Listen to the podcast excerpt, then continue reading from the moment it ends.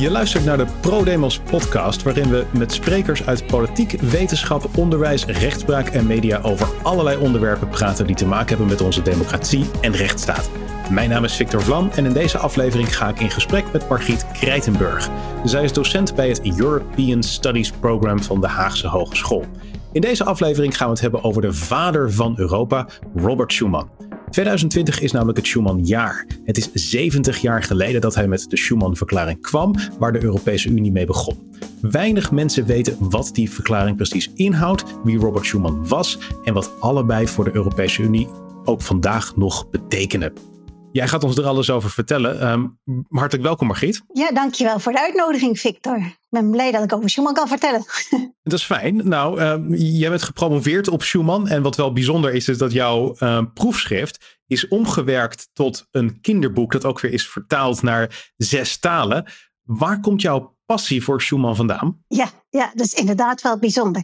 Nou, het komt eigenlijk door onderzoek. Ik heb onderzoek gedaan aan, uh, de, aan de Haagse Hogeschool bij het lectoraat European Public Management.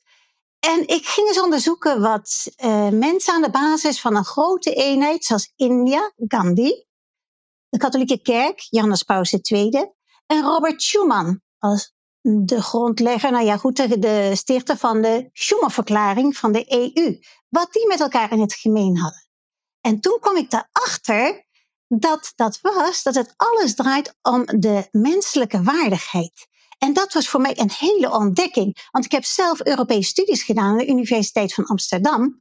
Maar ik had nooit enig idee gehad van deze diepgaande basis van onder andere de Europese Unie, maar ook van andere eenheden. En wat bedoel je daarmee, die menselijke waardigheid? Nou, dat de mens, dus de persoon met sociale en spirituele dimensie, in de kern van economische, politieke en sociale structuren staat.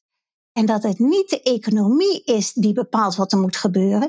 De economie is er ten bate van de mens. Ja, ja. De mens is er niet ten bate van de economie. Dus een organisatie kan geen goed bestaan hebben, als het ware, als het er alleen maar voor is om te zorgen dat we meer geld verdienen. Er moet een andere, grotere component aan zitten. Ja, e-, economie is wel heel belangrijk. Schuman heeft het altijd als middel gezien. Hè, naar een doel toe. Het ging om een politieke eenwording uh-huh. door middel van economische samenwerking ten bate van de mens. Dat is een fascinerend inzicht inderdaad, ja.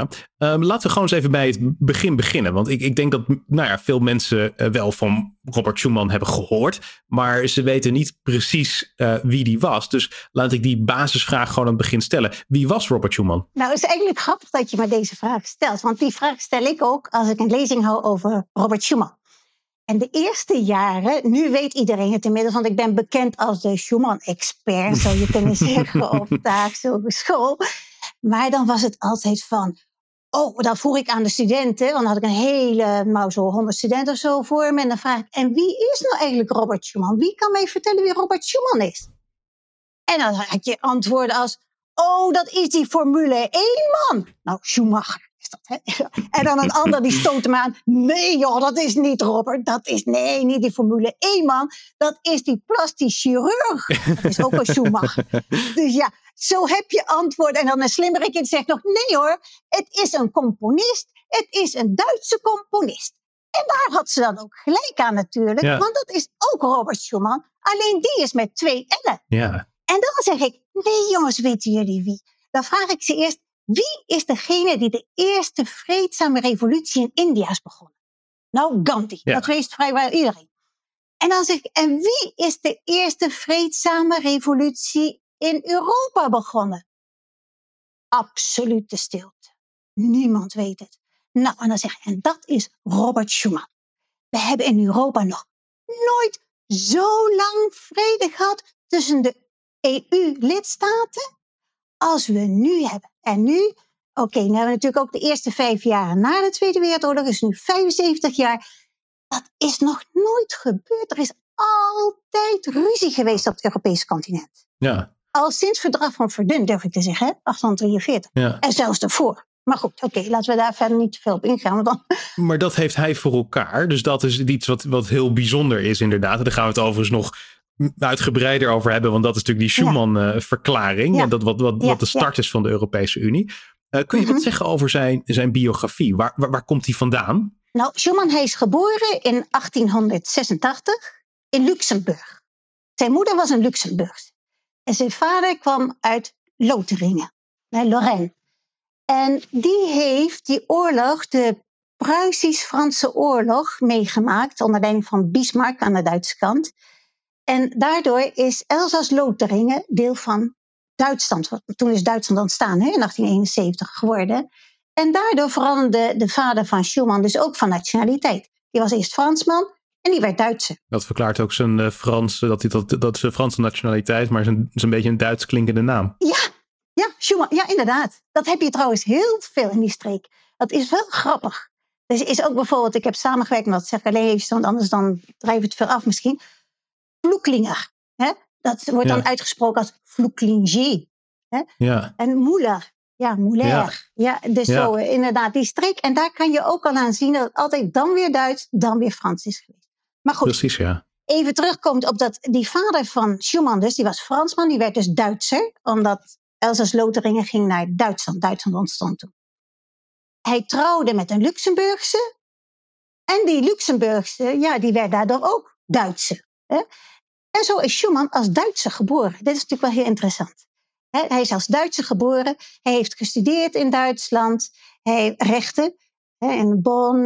Nou goed, laat maar zitten. Maar goed, en in, in Straatsburg heeft hij zijn PhD gehaald. Hij is toen advocaat geworden. En bijzondere gebeurtenissen vraag je. Nou, een andere hele bijzondere gebeurtenis is dat zijn moeder overleed in 1911. Hij was toen 25. Mhm. Zijn vader was al overleden toen hij heel jong was. En dat overlijden van zijn moeder heeft hem zo aangepakt dat hm. hij dacht van, zal ik nog wel advocaat blijven? Hij was een gevierd advocaat in die omgeving. Door zowel rijk als arm. Iedereen mocht hem heel graag. Ja. En toen was er een, ehm, was er een vriend van hem, Eschbach, ook weer zo'n naam, uh-huh. die zei van, nou, want hij wou doen, Schumann wou doen wat God van hem wilde. Hij was erg nou, overtuigd katholiek, zijn moeder ook. En hij dacht misschien wel het priesterschap, ik weet het niet. En toen zei zijn vriend, de heiligen van de toekomst zullen heiligen in pak zijn. En dat was voor hem echt de druppel die hij nodig had. Oké, ik blijf advocaat. Dus hij bleef advocaat. Ik word een heilige hier, daar waar ik ben, hè, in de realiteit van die dag, van die tijd. Ja. Dat is eigenlijk heel vooruitstrevend. Want later met het Tweede Vaticaans Concilie is dat allemaal gemeengoed geworden. Maar toen was dat nog allemaal ja, heel bijzonder eigenlijk. Hoewel het altijd vanaf de allereerste tijden is dat natuurlijk al. Die roeping van heiligheid is typisch van de katholieke kerk. Gewoon proberen die persoon te zijn die je bedoeld bent te zijn door God. dat, daar komt het op neer. Nou goed, maar uh, hij blijft dus advocaat. En dan heel bijzonder ook, na de Eerste Wereldoorlog, dus 1918, gaat uh, Elsass-Lotharingen weer terug naar Frankrijk. en hij verandert dus weer van nationaliteit. Van Duitser wordt hij Fransman. En omdat hij zo ontzettend geliefd is en ook lang niet, uh, zeg maar, uh, dom. Hij is ook met een, met een summa cum laude geslaagd in zijn PhD enzovoort. Kiezen de mensen uit zijn omgeving van het departement de la Moselle, die zeggen: Wij willen jou als vertegenwoordiger van ons gebied in het Franse parlement. Ja, ja. Dus dat is het begin van zijn politieke carrière, als het ware. Ja. En dan moet hij dus de wetgeving van Elsass-Lotharingen moet hij aanpassen aan de wetgeving van het centrale bestuur, zou je kunnen zeggen, van Parijs, van de rest van Frankrijk. Want ja, Elsass-Lotharingen is nu deel van Frankrijk geworden. En dat doet hij, maar dat doet hij op zo'n manier dat zowel de mensen in Elsass-Lotharingen tevreden zijn, als de mensen in Parijs. Dus hij weet bijvoorbeeld de sociale wetgeving van Bismarck te behouden, die ze dus in Elsass-Lotharingen hebben en hadden, hè, en niet in de rest van Frankrijk. En ook ja, wetten, ook, ook bijvoorbeeld godsdienstonderwijs op openbare scholen, dat hadden ze ook niet in de rest van Frankrijk. daar heb je de laïcité, die daar enorm aanwezig, duidelijk aanwezig is. In Elsass-Lotharingen minder. Dus zo, dat was al het begin van, dat was subsidiariteit zou je kunnen zeggen. En daar is die ook bekend om geworden, Lex Schumann. Ja, ja, dus, dus voordat er verklaring van Schuman was, had je de Lex Schuman. Ja. En daar werd voor dat eerst dat, dat, dat, dat subsidiariteitsbeginsel Ja. eh, uitgewerkt. Ja. En dat is ook later een, een belangrijk onderdeel geworden van de Europese Unie natuurlijk. Heel En dat belangrijk. is eigenlijk dat eh, de Europese Unie, als we het even uit moeten leggen aan, aan, aan, aan luisteraars. Ja. Het idee is dus van, van zo'n subsidiariteitsbeginsel dat de Europese Unie zich niet met alles moet bezighouden, maar alleen met bepaalde zaken. Ja, en als ik het, ik heb het in dat kinderboek bijvoorbeeld zo uitgelegd, als ik dat ook maar Mhm. doe, hè, zo van, je kunt het vergelijken haast met een gezin, een familie. Ieder kind is anders. Hè. Eén heeft meer aandacht nodig dan de ander. Je geeft niet meer dan dat het nodig heeft. Als je het meer geeft, wordt het te verwend. Wordt, maak je het passief hè, ergens. En als het kind veel, veel nodig heeft, veel hulp nodig heeft, dan help je het flink. Hè. En zo Ja. is ook in Europa ieder land, iedere regio, iedere gemeente is anders. En wat iedere Ja, ja. gemeente, iedere regio, ieder land zelf kan doen, laten ze dat vooral zelf doen. Maar als dat niet kan, dan help je. Dan doet de Europese Unie het inderdaad. Ja. ja. Ja, en dat is dus ontstaan bij die Lex Schuman, al wat vroeger in zijn politieke carrière. Maar later wordt dat een belangrijk onderdeel van de Europese Unie. Eh, laten we eens even naar, naar, naar die Schuman-verklaring gaan. Want Ja. wat staat daar eigenlijk in? Wat, wat, wat is het idee daarachter geweest? Nou, die Schuman-verklaring, ja, dat is natuurlijk het mooiste wat er is. Want die Schuman-verklaring heeft ervoor gezorgd dat er vrede kwam tussen Frankrijk en Duitsland. Het waren twee aardsvijanden. Nu zijn het gewoon goede vrienden, zou je kunnen zeggen. Toen waren het aardsvijanden voor meer dan duizend jaar. En wat Schuman altijd heeft gepropageerd, je vroeg net kenmerk van Schuman, nou zijn verzoeningspolitiek. Een verzoeningspolitiek, effectieve solidariteit. En dan in die Schumansverklaring staat ook samenwerking, dus verzoening met, tussen Frankrijk en Duitsland. Ze gaan samen als aardsvijanden aan een vredesproject beginnen. Door middel van kolen en staal, waar altijd om gevochten wordt, werd. Want ja, kolen en staal, die kan je ook goed gebruiken voor de oorlogsindustrie natuurlijk, onder andere. Hè, dus zowel Duitsland als Frankrijk wil dat. Die, die kolen en staal in plaats van instrumenten van oorlog, werd het instrumenten van vrede. En dat werd op supranationaal niveau georganiseerd. En dat wil zeggen boven het niveau van de staat. Dus het was nog Frans, nog Duits. Door dat samen daar eh, mee te doen, krijg je een soort van wederzijdse afhankelijkheid, is geloof ik het Ja. idee. Hè? Ja, ja. Wederzijdse afhankelijkheid inderdaad. Omdat het supranationaal is. En ook andere landen konden zich daar ook bij aansluiten. Ja, precies. Dus ja. het is heel bijzonder hoe aardsvijanden samen een vredesproject beginnen als gelijke partners.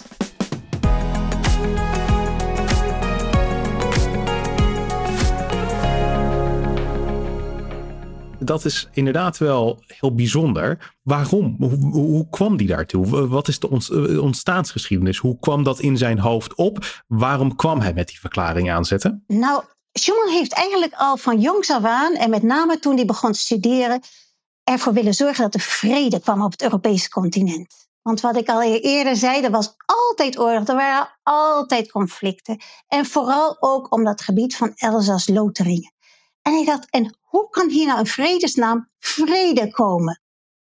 En dat kan door een verzoeningspolitiek. Dus hij heeft al vanaf de Eerste Wereldoorlog, vanaf het moment dat hij daar als parlement, in het parle Frans parlement zat, begon hij al met een, een, een verzoeningspolitiek. En dat is heel bijzonder. We hadden net het verdrag van Versailles. Dat was een verdrag om zich te wreken. En wat doet Schuman? Verzoeningspolitiek. Hij werd als eerste parlementslid werd hij opgepakt door de Gestapo in 1942. Nee, nou iets ervoor. Zeven maanden heeft hij in de gevangenis gezeten. Daarna zou hij naar een concentratiekamp, maar toen was er een Duitse officier en die zei van, nou nee, want deze Schuman kan ons, kan ons nog wel eens van pas komen. Hij is natuurlijk parlementslid. Hij heeft heel veel inside information. Laten we hem maar op house arrest sturen. Dus hij werd op house, huisarrest gestuurd in Pfalz, in Duitsland. Daar, om een lang verhaal kort te maken, hij is gevlucht naar Zuid-Frankrijk. Hij is ontsnapt dus. En wat doet hij daar, denk je? Hij gaat door met te zeggen: de enige manier waarop we vrede kunnen hebben in Europa is door een verzoeningspolitiek met Duitsland. Op dat moment, in 1942, was Hitler op zijn hoogtepunt. Daar in Rusland begon het langzaam maar zeker minder te worden. Maar het was toen nog heel. Hij had wel een beetje inside information, hè, want hij had wat opgepikt tijdens het huisarrest. Dus in die zin hè, kan je wel wat zeggen. Maar oké. Maar goed. En hij was wanted. Een enorm bedrag stond er op zijn hoofd. Dus het is nogal een moed van die man geweest ook om toch, ondanks alles, hij zei dat is de enige manier. We moeten kijken waar kunnen we elkaar vinden. En dat is zo ontzettend belangrijk, ook in deze dagen. Hè? Maar goed, we hebben het nu nog niet over vandaag de dag, maar die verzoeningspolitiek. Kijk waar je elkaar kunt vinden. Hoe tegengesteld je ook bent, dat is ook iets typisch van Thomas van Aquino hoor. Ik bedoel, het is niet dat het uit Schumann zijn koper komt. Hij was natuurlijk, uh, hij, hij, kende Thomas van Aquino, een, een uh, katholiek kerkleraar, heel goed. En die had het erover hoe tegengesteld mensen, landen of wat dan ook ook zijn. Er is altijd wel een punt waar ze elkaar kunnen vinden. En daar kan je op bouwen. Ja, en als je dat dus even, want dat is heel interessant. En als je dat nou naar deze tijd toebrengt. We zitten natuurlijk in het coronatijdperk. Ja. We nemen deze podcast ook op terwijl we niet in dezelfde ruimte zitten. Maar jij zit in jouw huis, ik zit in mijn huis. Ja. Want dat is wat moet in deze tijd. Maar het is ook een tijd die veel gevolgen heeft voor uh, de solidariteit. Uh, we hebben dat gezien in de eurobondsdiscussie. Ja. Uh, zuidelijk Europese landen verweten onder andere Nederland, voornamelijk Nederland, niet solidair genoeg te zijn. Mm -hmm. Hoe zou Schuman aankijken tegen deze tijd en de uitdagingen die we hebben? Weet je, ik denk dat dit ergens de kans is voor de EU om die draad weer op te pakken. En om een voorloper te zijn. Ik denk dat het echt. Schuman zou zeggen: jongens, pak op dat referentiekader waar hij altijd voor heeft gestreefd, of naar, heeft nagestreefd, namelijk verzoeningspolitiek, effectieve solidariteit, subsidiariteit, supranationaliteit, alleen daar waar nodig.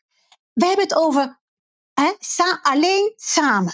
Alleen samen hè, krijgen we controle over de corona. Dat Ja. zie je nu overal. Alleen samen. De slogan van de regering. Ja, en dat is een hele mooie. En dan denk ik ook van, kijk, je zou kunnen zeggen, iedereen moet solidair zijn, hè? Wij zelf ook. Zelfs met jezelf moet je solidair zijn, in de zin van proberen goed, lief, leuk en aardig te zijn. Naar, ook naar jezelf toe, maar ook naar anderen toe. Niet toegeven aan ongeduld, kort lontje, ik heb geen zin meer, niet nu, later wel. Nee, solidair zijn met anderen betekent die anderhalve meter inderdaad in de gaten houden. En die denken, nou, het zal wel hoor, het valt wel mee. Nee, solidair zijn betekent inderdaad luisteren naar wat er gezegd wordt. Dat is een vorm van solidariteit. En dan, dit is een soort trainingsveld. Ik zie het als een soort training voor ons als individuele burger om te proberen wat ik zelf in, in, op de Haagse Hogeschool ook geef, personal leadership, hè, Mhm. is gewoon een, je trainen in goed, in goed zijn, in goede gebruiken en eh, goede gewoontes hè, creëren.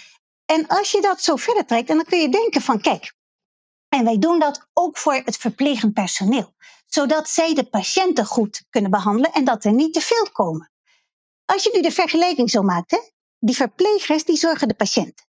De politici moeten zorgen niet alleen voor corona. Corona is een ontzettend goed verbindend element. Hè, Wij Mhm. willen veiligheid, we willen vrede, we willen verbondenheid. Dit verbindt de hele wereld, die corona. Niemand wil die corona. Het is heel subtiel aanwezig. We zien het niet. Op zo'nzelfde subtiele manier, maar dan positief, moet de EU bezig zijn door inderdaad proberen hoe kunnen wij niet alleen corona, maar ook eh crisissen als eh droogte, enorme droogte, die enorme overstromingen, waardoor al die migranten naar ons toe komen. Wij moeten zorgen. Ik denk bijvoorbeeld, het zou een heel goed idee zijn als Nederlanders met zijn expertise van onvruchtbare grond, kunnen wij met expertise die we in Wageningen hebben, vruchtbaar maken. Laten we daarvoor zorgen, al kost het ons een flinke duit. Met onze expertise als, als ingenieurs die Delta werken, in Bangladesh, in weet ik waar ze niet allemaal nodig zijn. Laten we investeren, het kost ons veel. Die mensen kunnen dan daar blijven waar ze zijn. Ze, kunnen, ze willen ook in hun eigen cultuur blijven. Wij krijgen ook niet al die migranten en niet zoveel mensenlevens gaan ermee gemoeid. En je voorkomt oorlogen. Dus het is ook preventief. En dat krijg je als die politici hun kennis, zoals die verplegers, hun kennis inzetten om mensen te genezen. Zo zouden politici en wij als burgers dus dat we proberen goede burgers te zijn en goed ook inderdaad te luisteren naar de politici. Maar zo moet de EU met name, niet alleen Europa, maar de hele wereld, dus dat we dat eens in ogenschouw nemen. Waar zijn nou eigenlijk de problemen? En hoe kunnen we die met z'n allen, hè, dus al die wereldleiders, hè, hoe kunnen we dat, en de EU als voorleper, door een verzoeningspolitiek weer op de rails krijgen? Ja, is eigenlijk ook het idee van never waste a good crisis. Het is een kans eigenlijk om een mooiere wereld tot stand te brengen. Ja, en inzoomen op het positieve van ieder mens en van ieder land. En dan, weet je wat het grappige is? Als je dat doet, inzoomen op het positieve ook van ieder, van ieder mens, dan merk je het sowieso al, maar ook van ieder land dan valt heel veel negatiefs al weg. Want mensen gaan dan niet sputteren. Die, als je het geluk van een ander wil, dan komen die negatieve dingen niet op. Die komen niet eens op. En als er toch nog iets is waar je het niet over eens bent, dan praat je daarover. Dan heb je die, ik heb pas die term gehoord, appreciative inquiry dialogue. Weet je? Dus dan heb je een, gewoon een goede dialoog. Kom je er dan nog niet uit, dan respecteer je elkaar. Ja. De, de eenheid en verscheidenheid. Verscheidenheid is goed, is goed. Ja, ik denk dat eurosceptici misschien zouden zeggen van veel van die maatregelen die genomen zouden moeten worden, die kosten Nederland geld. Uh, die, uh, dat, dat zijn dingen waar Zuid-Europa, denk bijvoorbeeld aan, aan, aan Spanje en Italië, mhm. die, die hebben daar heel veel baat bij, maar het kost ons in Nederland geld. En eurosceptici zouden misschien de vraag stellen van waarom moet Nederland daarvoor betalen? Ja, nou weet je, je moet boven jezelf proberen uit te stijgen. Dit is, uh, dit is heel goed te begrijpen hoor, zo'n commentaar ook. En, mhm. Maar ik denk ook dat we ons heel erg bewust moeten zijn van hoe ontzettend veel wij Nederlanders aan Europa hebben. Denk alleen maar aan de haven Rotterdam, via welke alle producten over, de, over heel Europa verspreid worden alle transporten, weet ik wat. Daar verdienen we giga aan. We hebben zo ontzettend veel aan de EU. Ik denk dat wij een van de landen zijn die het meest profiteert van de EU. En dat, dat zien wij als burger, zien wij dat niet zo. Verder denk ik dat het gewoon heel goed is. Oké, kijk, ik zeg ook niet zo de Italianen en de Spanjaarden en zo. Ja, natuurlijk. Ik bedoel, dat is wat ik net zei van die familie ook. Ieder kind is heel anders. Zij hebben ook hele goede dingen. Waarom gaan wij altijd naar Spanje en Italië op vakantie en dergelijke? Er is gewoon. Griekenland hebben we natuurlijk ook gehad met de, de, die enorme crisis. Maar waar komt ons cultureel erfgoed vandaan? Als we denken aan Plato, Aristoteles en weet ik wat niet allemaal.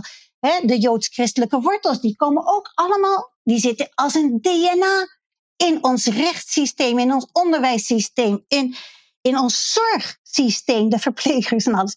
Dat zit daar allemaal in. Je kunt compleet atheïst zijn en secularist tot en met, maar het zit er gewoon in.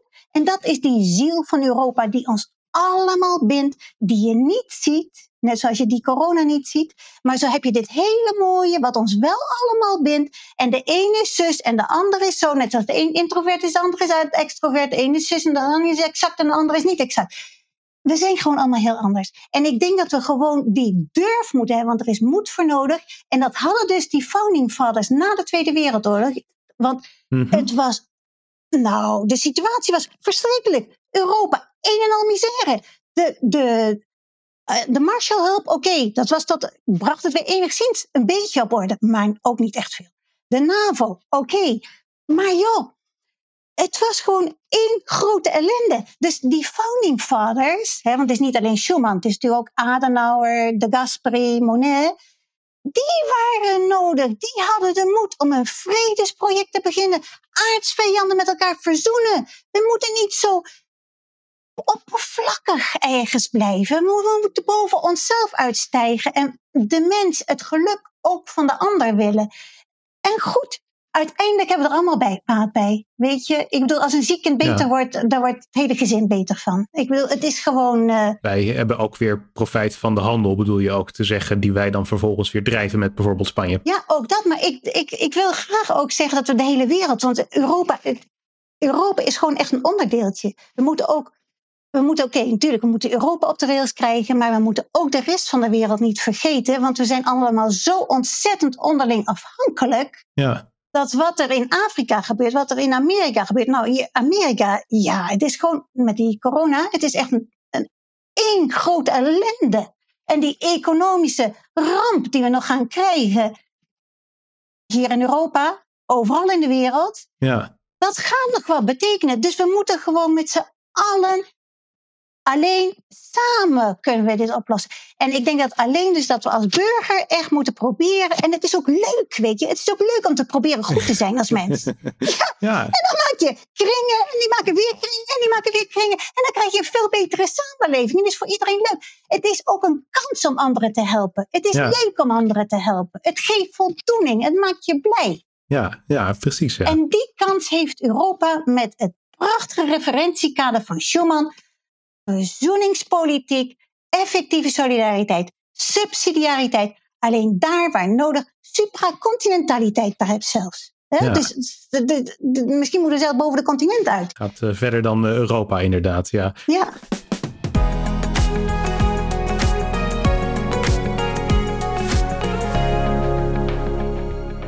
Tot slot, eh, Margriet, van, eh, wat, wat is één eigenschap van eh Schuman waar politici van vandaag de dag echt wat van zouden kunnen, kunnen leren? Wat misschien ontbreekt bij sommige van de huidige generatie politici. Hm, nou, dit is een vraag die je stelt. Ik denk, weet je, het is misschien een antwoord dat je niet direct zou verwachten of zou willen horen, maar het is nederigheid. Hm. Ja, en nederigheid is de waarheid. Hij was een man die leefde wat hij predikte, zeg maar. Dus dat hele referentiekader wat ik net zei, hij leefde zelf ook zo. Hij beleefde de deugden, de goede eigenschappen tot in echt hele hoge mate. Als er brood bij zijn eten gegeven werd, waar, en het stond niet op zijn eh, lijstje, bijvoorbeeld als hij ergens gegeten had, dan zei hij: Hé, hey, ik moet nog betalen voor die stukjes brood. Hij was, hij, hij, hij reisde tweede klas. Hij, weet je, het was gewoon een eenvoudig iemand die gewoon. Oh, en nou ga ik eindigen met zijn lijfspreuk, want die zegt denk ik al genoeg. Ik kan het zelfs in het Frans zeggen. Weet je in het Frans of in het Nederlands? Eh, Nou. Doe maar eerst in het Frans en dan vertaal het in het Nederlands. Oké, oké. Nous sommes tous des instruments bien imparfaits d'une providence qui s'en sert dans l'accomplissement des grands desseins qui nous dépassent. Het klinkt direct heel erg mooi in het Frans. Wat betekent het in het Nederlands? We zijn alle instrumenten, hoe onvolmaakt ook, van een voorzienigheid die grootse dingen met ons wil. Die ons menselijk gezien ver te boven gaan. Hij dacht nog dat hij, als, hoe zou hij in vredesnaam een van de belangrijkste grondleggers van de EU, van de, de vrede in Europa kunnen zijn? Had hij niet durven dromen, joh. Nee. En hij zei ook de, een hele mooie, wat ook iets is wat je vroeg, waar kunnen de politici van leren? Uh-huh. Hij zei dat de grenzen moet je niet zien als afbakeningen, maar moet je zien als lijnen voor communicatie. Waar de uitwisseling van gedachten, van goederen, van materiële goederen, van wetenschap, van alles plaatsvindt. Om elkaar te verrijken. Ja, ja. Hè? Dus, hij wou, ja, dus dat wou ik ook nog even gezegd hebben. En, en ook dat hij zei, je moet met oplossingen komen die evenredig zijn aan de gevaren die dreigen. Oké. Nu dreigen de gigagevaren. Dus wij moeten met giga-oplossingen komen. En die giga-oplossingen zijn heel handbaar en tastbaar en concreet. Door gewoon dat Schuman-referentiekader, verzoeningspolitiek, eh, effectieve solidariteit betekent effectieve solidariteit met daden. Subsidiariteit, laat iedereen zoveel mogelijk zelf alles doen. Supranationaliteit, alleen daar waar nodig, niet meer dan nodig. Hè, dat doen. En iedere burger het mooie inzien, dat is die personal leadership.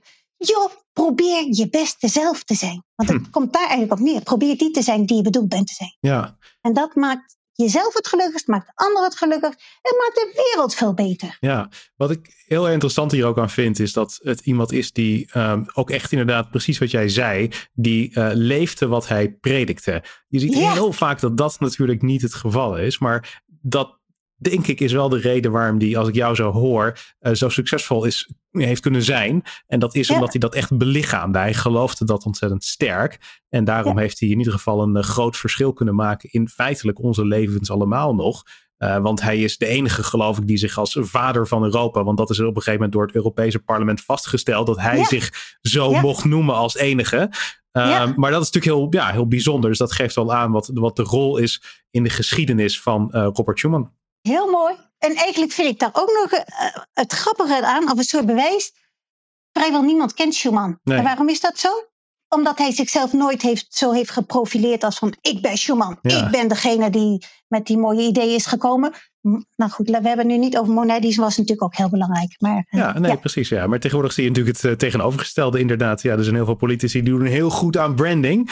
En misschien uh, dat ze niet altijd even goed zijn in het bereiken van resultaten. In ieder geval dat ze niet hebben bereikt wat Schumann heeft bereikt. Want dat is natuurlijk uitzonderlijk. Um, duidelijk, goed.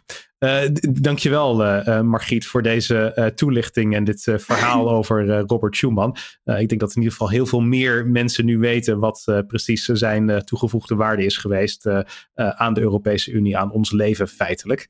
Uh, Dus dankjewel, dankjewel voor jouw aanwezigheid hier. nogmaals, Margriet Krijtenberg, docent bij de European Studies Program van de Haagse Hogeschool.